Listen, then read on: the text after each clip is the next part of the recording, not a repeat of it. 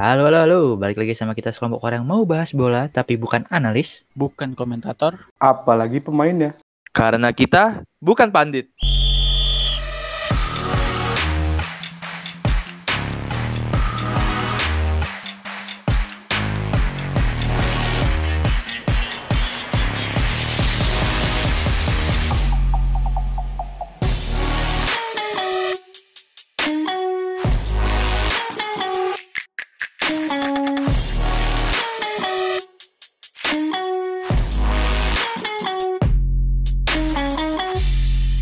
Bukan pandit. Apa, dong? Apa dong?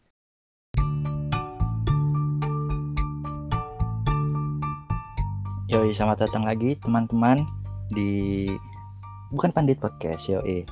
Di episode perdana ini, episode 1 kita recording Senin ya, hari Senin. Sengaja kita nunggu game week keempat beres karena mana tahu ada fenomena-fenomena luar biasa yang di luar nalar kita sebagai para supporter layar kaca. Dan ternyata benar aja saudara. Ini mah bukan fenomena luar biasa ini mah. Fenomena lucuan anjir, komedi lawak klub ini. Ini ini ibarat sejarah nih kalau di bola ada sejarah nih, ini udah masuk sejarah sih. Iya. Dua tim rival sepakat untuk melawak di game week keempat. Ngerti Iya. gue. Kayaknya mereka tahu ya kita lagi pada jenuh, butuh hiburan dan bener aja cuy, gila. Mereka tahu kita butuh topik. Ya, ya benar benar benar. Ya mungkin aja Mereka kita positif, bikin mereka iya mereka mau menghibur fans layar kacanya di rumah karena bosen kan di rumah. Yo, dari dua setan lagi dua setan, dua merah maksud gua. Dua merah bikin kejadian yang ngadi-ngadi aja nih. Luar biasa memang. Tapi itu kita bahas akhiran aja ya.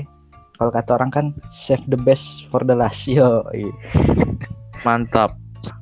ini sebenarnya mulut gue udah gatal nih dari malam nih. Dari abis gue nonton, gue tidur, gue bangun senyum-senyum pak. Karena saking happy-nya gue hari ini nih. Ini memang lucu sih ini memang. Memang, memang lucu. Kayak kayak nggak afdol. Mubazir kalau nggak dibahas. Kufur nikmat kita kalau nggak bahas ini. Ya kalau nggak dibahas, kalau nggak dibahas nggak ada topik kita soalnya. Oh iya bener. Betul juga Anda. Oke ngomongin topik hari ini kita eh, ada bahasan macam-macam nih. Mungkin langsung aja masuk yang pertama ya. Yang pertama hmm, dari tim yang baru aja promosi ke Liga Inggris setelah 16 tahun namanya Leeds United. Tim tim kayaknya ngejutin banget nih. Udah empat laga. Laga pertama kalah tipis gitu kan nggak kebantai. Terus laga kedua menang, ketiga menang, keempat seri dan serinya ini sama Manchester City kan bukan bukan tim kaleng-kaleng lah walaupun kemarin City habis kebantai juga nah kira-kira nih Leeds United apakah bakal bicara banyak di Liga Inggris ke depannya mungkin teman-teman ada yang pengen ngasih pendapat tentang Leeds United Nah, kalau Leeds United nih mungkin gimana ya gue ngomongnya? Ini kan tim promosi. Tim promosi ya biasanya ya gitu.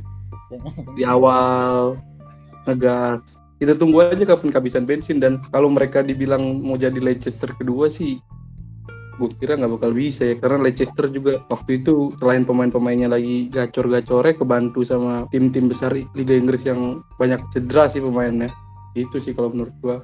Paling pekan ke 11 13 sudah mulai nurun lagi sih Leeds United. Kalau dia nggak bisa dapetin pemain ya di beberapa minggu terakhir ini nih. Mana nih kalau yang main nih? Kalau pemain si Leeds sudah beli ini loh. Ada si Rodrigo tuh. Rodrigo dia kan baru. Siapa lagi ya? Diego Lorente atau back beli dia. Tapi kalau kayaknya kalau buat persaingan papan atas kagak lah. Paling kayak Iya, si Sheffield, si Sheffield United musim lalu. Maksud gue pemain-pemain yang kaliber, maksud gue kalau yang berpengalaman, kalau pemain-pemain mediocre itu bersaing di Liga Inggris ya. Kita pernah lihat Micu, pernah lihat siapa itu yang three week wonder itu pemainnya Norwich nggak jelas Oh. Puki Puki Iya. Jorok banget lu man. Noel Noel Oh ya, setahu gue Leeds United ini lagi ngincer Daniel James. Nah, kira-kira Daniel James nih jadi nggak sih ke Leeds? kurang tahu deh tuh rumor yang itu Gak gak rame soalnya. Soalnya setahu gua, Sekilas doang. eh soalnya setahu gua Leeds sama MU juga agak agak panas kan maksudnya dua tim itu. Iya nggak sih? Tahu. Iya kayaknya sih Daniel James sih kemungkinan menurut gue juga kemungkinan ya karena kalau yang gue lihat kondisi Manchester United saat ini juga lagi gak kondusif terus persaingan pemainnya juga lagi kurang ini ya kurang oke. Jadi menurut gue bakal pindah kayaknya sih meskipun cuma berita-berita hangat tapi menurut gue bakal pindah. Tapi kalau pendapat gue tentang Leeds kayaknya sih gue setuju sama yang lu gak bilang. Dia nggak bakal meramaikan papan atas tapi menurut gue dia tetap meramaikan di papan tengah tapi dia bakal menjadi tim underdog yang bakal bisa ibaratnya setiap pertandingan yang bakal bertemu dengan tim-tim besar dia bisa memberikan kejutan aja sih menurut gue Iya Ah. lebih mengganggu aja dia dominasi. Lebih dia dominasi. menyulitkan kalau ya. dominasi. ya tim-tim underdog gitu Biasanya kan tiba-tiba tim mengejutkan kayak gitu, tim kayak gitu lawan tim papan atas bagus tapi lawan tim papan bawah kalah dia. iya biasanya dia suka memberikan poin kepada tim yang lain Kira-kira bakal kayak Wolverhampton nggak? Karena kan kita tahu Wolverhampton juga termasuk eh, underdog juga kemarin-kemarin, tapi eh, dia sempat masuk eh, WL juga kan. Nah kira-kira apakah Leeds bakal kayak gitu atau mungkin selevel kayak Burnley atau eh, apa lagi Newcastle?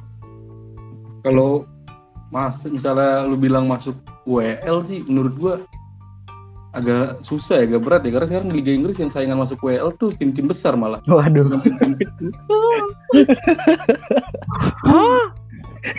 tim-tim tim-tim besar Inggris pun meramaikan Europa League sekarang bukan UCL iya. lagi MU Arsenal City ntar ya Europa League kan. Kayaknya itu udah di plot dah. MU, Arsenal, City sama satu lagi mungkin tim yang ini yang Tottenham lah. kurang Tottenham. Oh iya kemarin. Tottenham Tottenham hampir gagal masuk WL ya. Dia empat-empatan di playoff. Iya terakhir deh. Iya kan? Jadi bahkan iya. Makanya gue kayak gue bilang tadi kan kalau masuk WL kayaknya dia susah. Tim-tim besar soalnya yang bersaing sekarang di WL. wah, sekarang kandidat Tuchel malah Aston Villa, Everton gitu ya. Iya bang gitu-gitu. Everton kata gue dia bisa kandidat UCL loh dibandingkan WL. Nah ini karena karena udah disinggung juga nih Everton kan, kan kita tahu juga Everton selama empat laga kemarin tuh pede banget kan menang per- eh, laga pertama menang, kedua men- eh, pertama tuh lawan Tottenham, Tottenham menang, terus lawan kedua gue lupa menang tiga menang, terus empat juga kemarin menang meyakinkan eh, bisa nyekor 5 Nah kira-kira Everton apa sih yang bikin Everton bisa kayak gini sekarang? Karena kan kita tahu Don Carlo tahun eh, musim lalu juga sebenarnya nggak nggak nggak banyak bicara, tapi sekarang di empat match perdana tuh bisa clean sheet masih menang 4 kalah 0 nah kira-kira menurut teman-teman gimana nih Everton Ini mah utamanya juga ada efek dari pemain buangannya si Madrid ya. Si James itu kan lumayan juga tuh kontribusinya. Udah gitu ditambah strikernya si Calvert Lewin tuh lagi on fire banget. Golin mulu dia. Kalau Oh, iya. menurut gue nih Everton dia kebantu sama Carlo Ancelotti yang emang udah pelatih kaliber sih. Jadi Everton cuma tinggal ngasih fasilitas ke Ancelotti pemain mana yang dia mau. Udah Ancelotti mainin taktiknya dia bisa bicara banyak sih. Dan Ancelotti nggak kayak Mourinho ya, maksudnya dia kalau Mourinho kan selalu beli pemain yang udah jadi. Kalau Ancelotti kadang masih yang masih make yang nggak terlalu inilah nggak terlalu punya nama besar kayak dikasih kepercayaan kan tuh penyerangnya tuh siapa tuh namanya penyerang Everton Calvert Lewin. nah itu udah kagak terkenal itu musim lalu juga golnya Terkenal. berapa Masih muda dia. Baru iya pertama kali dipanggil timnas Inggris ini. iya makanya kalau Carlo Ancelotti itu sih tapi memang ini sih bak apa namanya dari sisi Hames itu berpengaruh banget sih pas di dalam Karena emang- Everton James masih punya kualitas sebenarnya cuma nggak masuk polanya Zidane aja. Ya gue gua nggak kurang ngerti sih Madrid tuh mau bermain dengan pola apa soalnya. Iya emang begitu. Susah emang Zidane. Maunya Bola. jago-jago aja. Bola Benzema. bola Benzema di tengah ngoper terus pas terus gol udah gitu doang mainnya. Terus tiba-tiba Modric syuting jarak jauh gitu aja Iya, tapi memang dari segi komposisi pemain Everton juga menurut gua eh, lumayan sih, maksudnya dari segi Mumpuni ya. belakang ke depan juga mumpuni lah. Dan tadi yang dibilang juga juga dari apa Ancelotti ini ibaratnya ya kita tahu lah dia pelatih yang bukan main-main gitu kan. Dari hampir semua liga dia liga-liga besar di Eropa dia udah pernah nanganin klub-klub. Dan mungkin saat ini juga jadi Everton bakal jadi salah satu klub papan atas sih kayaknya di musim ini menurut Yang gua selalu, yang selalu berakhir papan atas loh klub-klub yang ditanganin dia. Sebenarnya Everton tiap tahun tuh pemainnya bagus, lumayan lah. Tapi iya betul kurang beruntung kadang Bukan kalah. kurang beruntung, man. Ini tumben aja dia dapet pelatih bagus. Ya lu tau sendiri pelatihnya sebelum-sebelum ini. Dulu David Moyes. Lah. Nggak jelas. mungkin kalau kalau bisa gue tambahin mungkin karena pembeliannya efektif juga ya karena di di summer ini Don Carlo datengin James kan terus Alan dari Napoli sama Dokore dari Watford. Nah setahu gue tuh Dokore itu kayak steal deal banget pak. Jadi dia tuh eh, DMF ya dia tuh DMF terus dapat harga murah karena Watfordnya degradasi. Jadi dia pemain dengan kualitas seperti Dokore bisa masuk Everton dengan harga yang menurut gua nggak nggak nggak nggak mahal-mahal banget gitu ya still deal lah jadi menurut gue emang faktor Everton bisa kayak gini juga karena pemain yang ditransfer ke Everton udah efisien terus udah kenal juga sama Don Carlo ya kan kayak Alan dulu pernah ketemu Carlo Ancelotti di Napoli ya kan terus James juga pernah ketemu sama Carlo Ancelotti juga gitu Kesayangannya, Mes. iya kan di- Di mana-mana dia ikut ya. Iya ngikut be. Tapi menurut gua emang Everton bagusnya karena tiap tahun dia nggak pernah punya pemain yang terlalu bintang sih. Jadi oh ya mereka main tim aja gitu. Hmm. Jadi nggak ada yang sat- satu dioper terus tuh nggak ada. Jadi main lancar. yang yang agak-agak bintang sebelum ada Hamis siapa tuh yang nomor tujuhnya aduh Richarlison. nah Richarlison Ri- Nah, Richarlison itu Richard Lisson juga dibilang bintang. Bukan, dibilang pemain buruk juga bukan. Jadi ya ya cuma sekarang ada aja ada baru James kan. James tuh masih termasuk great player lah. setuju setuju setuju. Terus juga menurut gua Richarlison juga udah nemu eh, posisi pasnya menurut gua. Karena di musim-musim lalu tuh dia main di tengah nggak sih? Apa Iya. dari Dia di- iya kan dia di tengah kan? Terus sekarang Iya, dia posisinya agak agak kiri eh, bukan agak kiri sih emang di kiri. Terus tengahnya dipakai sama pemain muda yang lagi on fire lagi gacor-gacornya. Bahkan kemarin Kerbo Cup sempet hat trick kalau nggak salah ya nggak Iya, Liga Inggris juga hat-trick sebelum dua Iya, kali jadi- hat-trick dia. Nah, baru berapa match sudah dua kali hat-trick itu menurut gue suatu hal yang patut dipertimbangkan buat tim-tim eh, besar Liga Inggris kayak bahkan buat rivalnya sendiri Liverpool. Waduh, ini gue gak tau banget kan bahas tapi aduh nanti deh kita bahas terakhir deh. Ada tambahan lagi tentang tentang Everton? Udah sih. Kayak udah si Everton nih. Kita lihat Iya, aja nanti beberapa pekan lagi nih Everton. Tetap konsisten Iya. Everton harus ini sih harus kalau mau berbicara banyak nggak boleh habis bensin sih. Ini habis jeda timnas nih dia langsung ketemu Liverpool. Wah, ini dia duel yang kita tunggu-tunggu ya. Tapi Apalagi menurut gue yang bersaing di papan atas bisa jadi ini loh. Everton, Tottenham, tim-tim yang punya pembelian bagus di summer. Chelsea. winter. Ya Chelsea. Enggak, Ya, enggak, enggak, enggak. gue bilang pembelian bagus, bukan pembelian banyak. Sorry, gue bilang pembelian bagus. Oke, eh, kebahas kan Chelsea nih.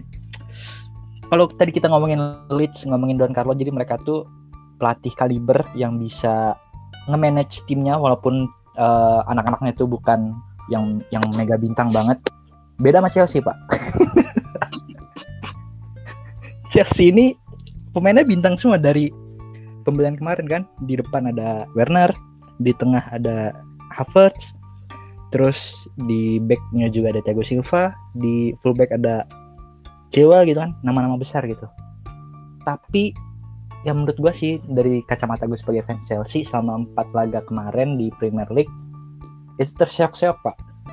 Di match pertama menang ya ya cukup lah gitu. Walaupun Brighton waktu itu mainnya bagus juga terus di match kedua match kedua tuh lawan Liverpool ya. Oh, lawan Liverpool. Karena mungkin karena ada faktor kartu merah juga. Ya ini defense gue sebagai fans Chelsea. Jadi kalah 2-0 terus di match 3 di babak pertama kayak ngepur. Tapi untungnya bisa comeback 3-3 baru nih yang kemarin nih menang meyakinkan. Menang 4-0 gokil. Kalau eh, Noel belakangan ya karena Noel fans Chelsea gue tau pasti dia bakal ngebela-bela Chelsea mungkin dari Luga dulu deh Ngapain lu bilang Noel kalau gua dulu? Noel belakangan aja karena Iya. pasti arahnya gue mau nanya dulu nih. Gue mau nanya dulu nih. Gue kan jarang nonton Chelsea. Hmm. Temi Abraham sama Werner tuh posisinya sama apa kagak? nah ini pak Ya, Beda ya. beda-beda statik. Temi itu di mana mainnya? Tengah, itu tengah murni Kalau Werner bisa geser ke sana kemari ya. kiri dia. karena Iya, agak iya. Kalau menurut gue sih Chelsea harus mainin Temi terus sih. Dia harus terus dikasih jam terbang. Dia bisa jadi bisa apa ya? Bisa jadi kartu truf buat Chelsea. Bisa jadi finisher juga karena tahun musim lalu dia sempet gacor kan. Di awal-awal ya, ya. Iya, makanya Ya Kalau- sempat dibilang next Drogba soalnya. kalau pemain muda ya wajar lah dia agak ini. Yang penting mah dikasih waktu aja. Nah sekarang mau nggak Chelsea-nya ngasih waktu ke Temi Abraham? Sedangkan dia udah punya Timo Werner, Giroud, masih ada Giroud men- ya pemain-pemain yang udah punya istilahnya nama besar lah. Kalau gue sih bisa bilang Temi Abraham bisa harusnya bisa jadi kunci Chelsea sih musim ini. Gimana Noel deh? Gimana nih? Kalau gue sih mending Werner gue di tengah. Soalnya Werner di kiri sebagai penikmat Chelsea ya. Gak nikmat banget gue nontonnya Werner. sebagai penikmat jadi kagak nikmat banget nonton ya kayak ada yang janggal Apalagi ntar kalau Ziyech udah udah sembuh kan. Wah, Werner tengah, Ziyech sayap. Langsung bantai semua. Ziyech setahu gue kagak main di sayap dah. Udah main di sayap sih. Sayap bro. Bukannya bisa dia di- bisa diajak tuh bukannya di tengah dia. kalau setahu gue tuh dia eh, cam strip RW jadi dia bisa di tengah bisa gelandang serang bisa di kanan juga Tapi biasanya right wing gak sih kayak dia sayap juga sih. Biasa. Iya sayap. Sayap dari kanan kan kakinya kiri. Model-model ini look, model-model Robin, Robin. gitu loh. Oh model Robin. Tapi dribblenya bagus gak? Robin kan super. Setahu gue dia dribblenya nggak terlalu gini dah. Aduh, kurang nonton timnas Maroko nih. Diajak siapa yang nonton timnas? Maroko Waduh, itu di, itu di siaran mana tuh timnas Maroko? timnas Maroko suka megang bola dia. Gue nggak tahu. Kalau Ziyech tuh kayak gimana ya menurut gue.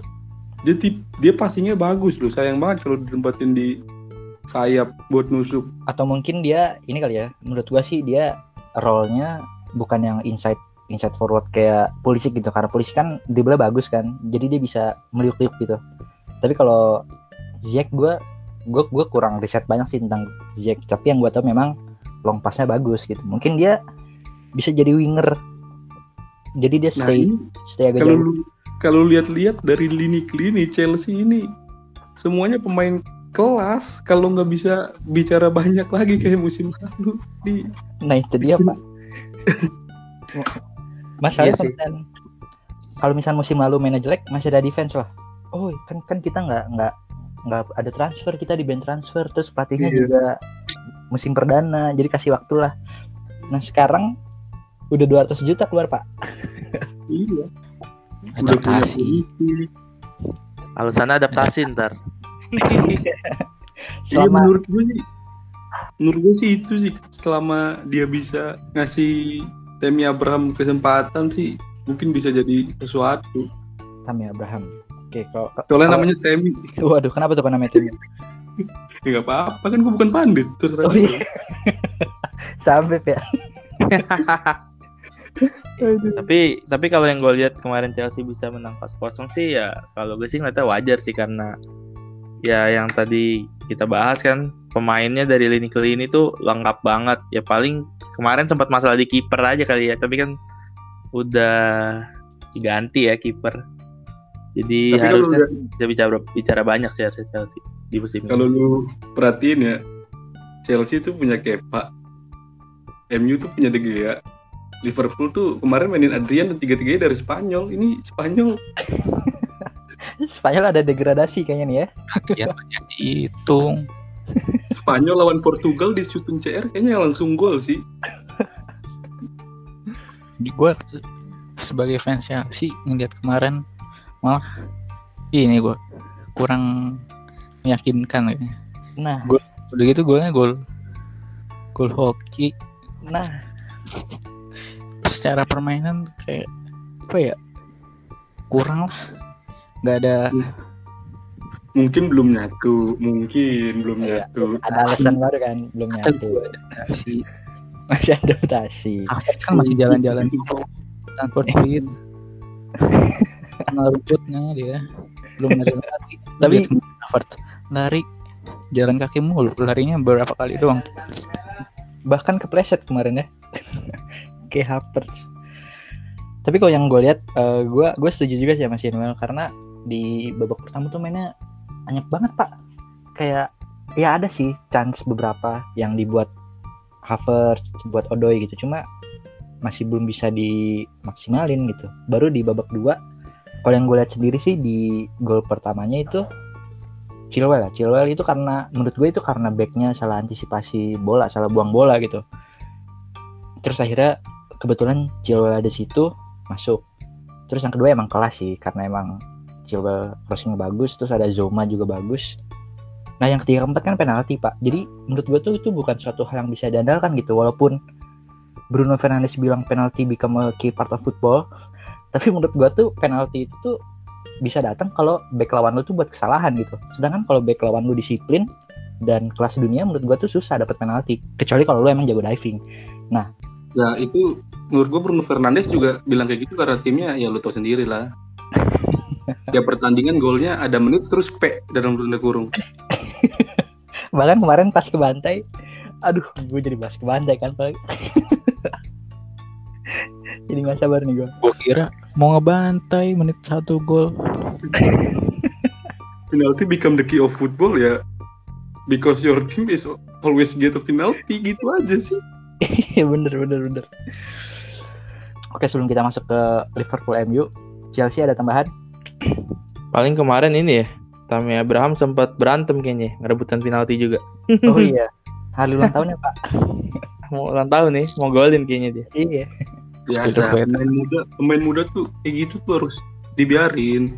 Rooney juga pernah nakal santai. jadi kemarin tuh uh, dia dia yang bawa bola duluan kan terus Werner datang mungkin Werner butuh kepercayaan diri juga karena udah uh, match keempat dia belum ngegolin di EPL kan dengan Cuma- Jorginho iya yang menang Jorginho. Kalau gitu ngapain rebutan? jadi kayak ibarat ada bocil-bocil berantem tuh Aspi datang sebagai abang gitu kan. Udah udah stop stop stop. Udah, udah, udah. Dia nendang gitu kata Aspi. Aduh. Eh Aspi Liqueta ribut sama Jorginho habis itu. Oh iya emang ribut lagi mereka? Agak-agak eh